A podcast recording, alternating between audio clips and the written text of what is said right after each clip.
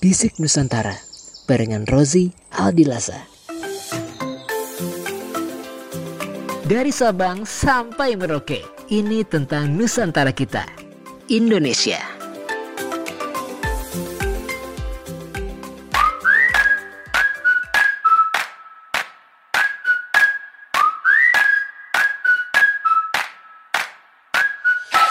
Halo teman Nusantara, apa kabar? Sehat?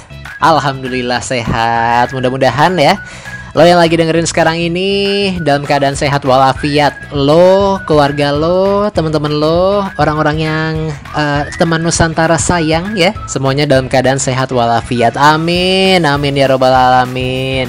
Salam sejahtera juga ya buat teman-teman Nusantara dari Sabang sampai Merauke. Apa kabar di kotanya masing-masing ya? Mudah-mudahan semuanya lancar, yang direncanakan juga berjalan dengan baik. Amin. Oh ya, sebelum gua buka ya bisik Nusantara, c harus harus bisik-bisik kayak gitu ya, bisik Nusantara. Atau enggak biasa aja deh Ji, biasa aja. Oke, sip, biasa aja. Di Bisik Nusantara edisi keempat ini, gue pengen ngajakin teman Nusantara nih, ya, yang tinggal di kota-kota di Indonesia, dari Sabang sampai Merauke ya, berjajar pulau-pulau, sambung menyambung menjadi satu itulah Indonesia pokoknya ya. Misalnya nih, lo yang ada di Manado deh, yang di Manado lo bisa kasih tahu gua, kira-kira di Manado ada yang unik apa nih? Ada yang baru apa nih yang kira-kira teman Nusantara lain harus tahu? Dan kayaknya cuman ada di Manado deh. Lo bisa email ke gua ya. Ada di bio gua, bio Rozi yang ada di podcast atau di Instagram. Bisa lo cek di sana. Terus ntar lo kirimin email ya. Ntar kita ngobrol-ngobrol nih. Ngobrol-ngobrol seru di Bisik Nusantara ngobrolin tempat tinggal lo. Oke, sekarang kita mulailah langsung Bisik Nusantara edisi keempat.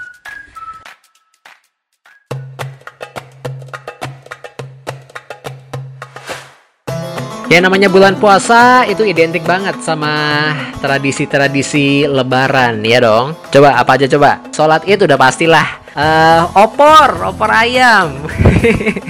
kue lebaran, coba sebutin kue lebaran yang paling mainstream pada saat hari raya. Putri salju, nastar, uh, kastengel. Wah, tuh harus ada tuh ya. Kalau nggak kayaknya belum belum berasa lebaran gitu. Dan masih banyak lagi lah.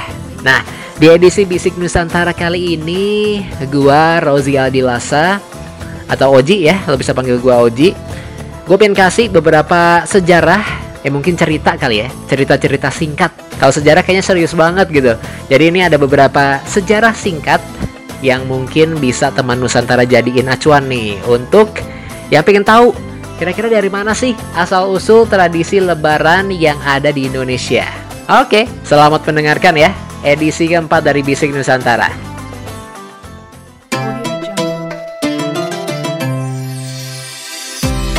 Oke, kita mulai dari kata lebaran itu sendiri ya.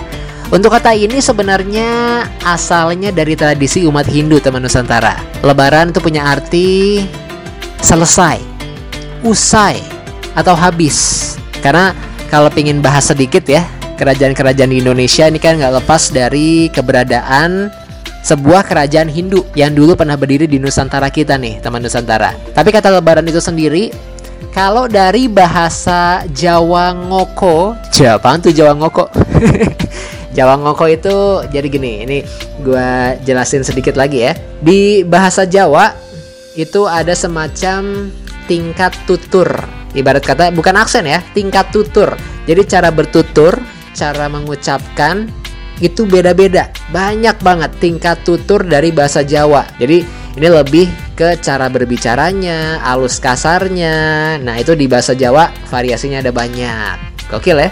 Gila loh.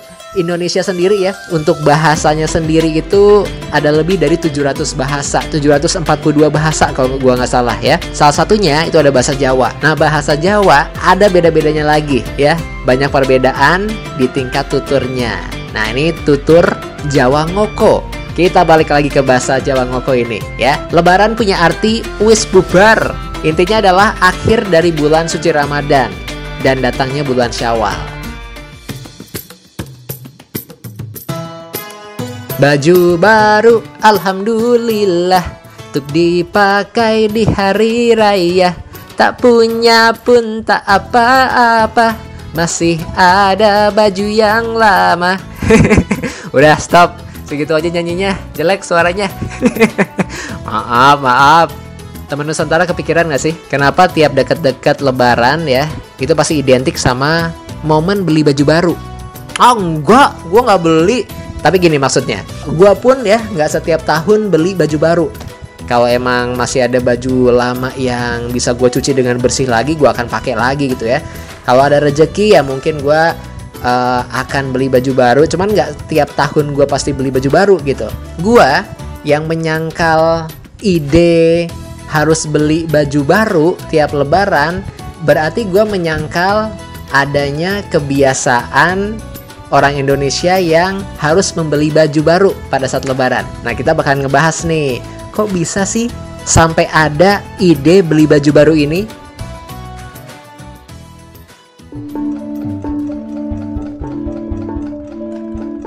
Nah, jadi kalau menurut buku Sejarah Nasional Indonesia teman Nusantara, tradisi lebaran ini ya, tradisi beli baju baru ini itu dimulai dari abad ke-16 di keluarga kerajaan Banten. Jadi pas Idul Fitri ya, hari raya Idul Fitri, keluarga kerajaan Banten ini pingin banget kayaknya kalau pakai baju baru lebih oke okay nih merayakan hari rayanya. Nah, keinginan ini, ide ini didengar deh, nggak tahu gimana caranya ya, didengar sama para penduduk kerajaan Banten pada masa itu ya. Akhirnya banyak tuh yang belajar uh, jahit, bermunculan tukang jahit dadakan gitu ya mereka nggak mau kalah oke orang-orang kerajaan pada punya baju baru kita juga harus punya baju baru dong. Mungkin nggak semewah keluarga kerajaan tapi kita juga mesti punya baju baru gitu kata para penduduk ya. Akhirnya ya udah para penduduk jadi ngikut-ngikut ya keluarga kerajaan Banten ini untuk pakai baju baru tiap Idul Fitri tiap tahunnya. Jadi istilahnya baju baru ini mereka nganggapnya sebagai simbol lahir kembali bukan reinkarnasi ya, simbol kembali suci istilahnya setelah kurang lebih berpuasa selama sebulan penuh. Desa, kaget gua. eh, teman Nusantara, ada nggak di antara lo ya teman Nusantara nih yang sekitaran rumahnya selalu rame sama yang namanya petasan? Mungkin lo sempat kepikiran ya, kok bisa ya ada tradisi petasan di hari-hari terakhir menuju Lebaran?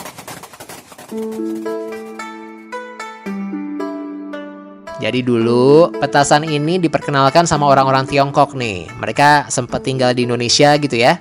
Dan inti dari petasan itu simple banget, sederhana. Cuman pingin ngasih tahu orang-orang sekitarnya kalau lagi ada perayaan nih, lagi ada pesta di sini. Jadi kita kasih petasan, lo bisa mampir ke sini gitu. Makanya petasan di malam sebelum Lebaran ya, itu ibarat kata sebuah tanda lah, sebuah tanda mau kasih tahu nih kalau besok udah lebaran, udah hari raya kemenangan ya. Jadi bisa dibilang ini semacam peleburan lah, peleburan budaya ya antara budaya Islam dan juga budaya Tiongkok.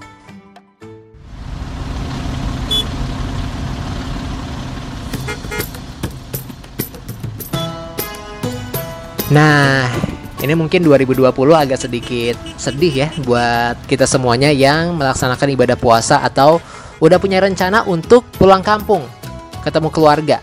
Tahun 2020, teman Nusantara pasti nggak bisa mudik. Udah, nggak apa-apa, sabar aja. Tahun depan kita pasti bisa mudik, dan gue jamin mudiknya bakalan lebih seru. Ya nggak? Kan udah setahun nggak mudik, ya. Oke, sekarang ini kita ngomongin tentang istilah mudik. Kalau mudik sendiri ya, ini baru kedengeran kata mudik setelah ada proses urbanisasi gede-gedean. Jadi warga Jakarta dulu ya, itu ada proses urbanisasi gede-gedean. Pas Jakarta namanya dulu masih Batavia. Supply hasil bumi mereka orang-orang Batavia itu kan banyak banget ya. Tapi diambilnya harus dari luar Batavia alias luar kota. Jadi para petani, para pedagang ini ibarat kata mereka harus bolak-balik lah alias milir mudik. Nah, itu dia untuk bisa dapetin supply itu. Kalau dari sejarahnya itu dimulai dari kerajaan Majapahit nih, teman Nusantara. Dulu pas masa kerajaan Majapahit ya, ini banyak banget perantau yang pergi ke daerah-daerah yang mereka udah berhasil kuasai gitu lah ya. Udah berhasil ditaklukkan mereka pergi tuh ke daerah-daerah itu. Tapi setelahnya ini mereka ibarat kata minta izin lah. Mereka mau pulang dulu sebentar ke tanah Jawa ya untuk ketemu keluarganya.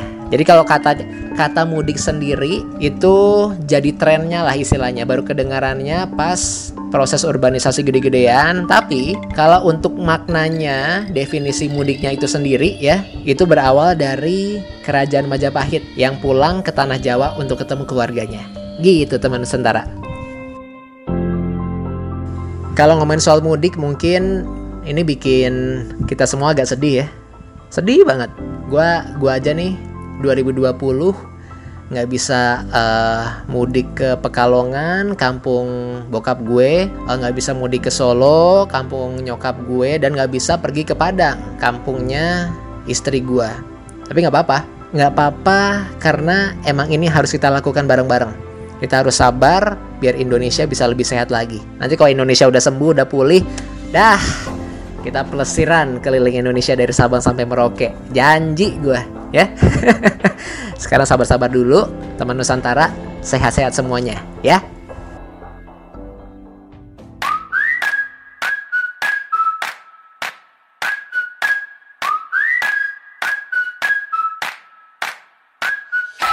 Kita ketemu lagi di episode berikutnya di Bisik Nusantara. Sekali lagi teman Nusantara jaga kesehatan ya. Salam buat orang-orang yang lo sayang, buat keluarga lo.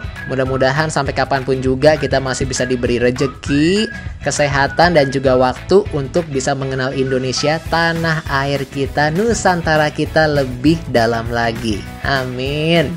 Gua Rozi Adilasa pamit. Wassalamualaikum warahmatullahi wabarakatuh. Bisik Nusantara barengan Rozi Aldilasa. Dari Sabang sampai Merauke, ini tentang Nusantara kita, Indonesia.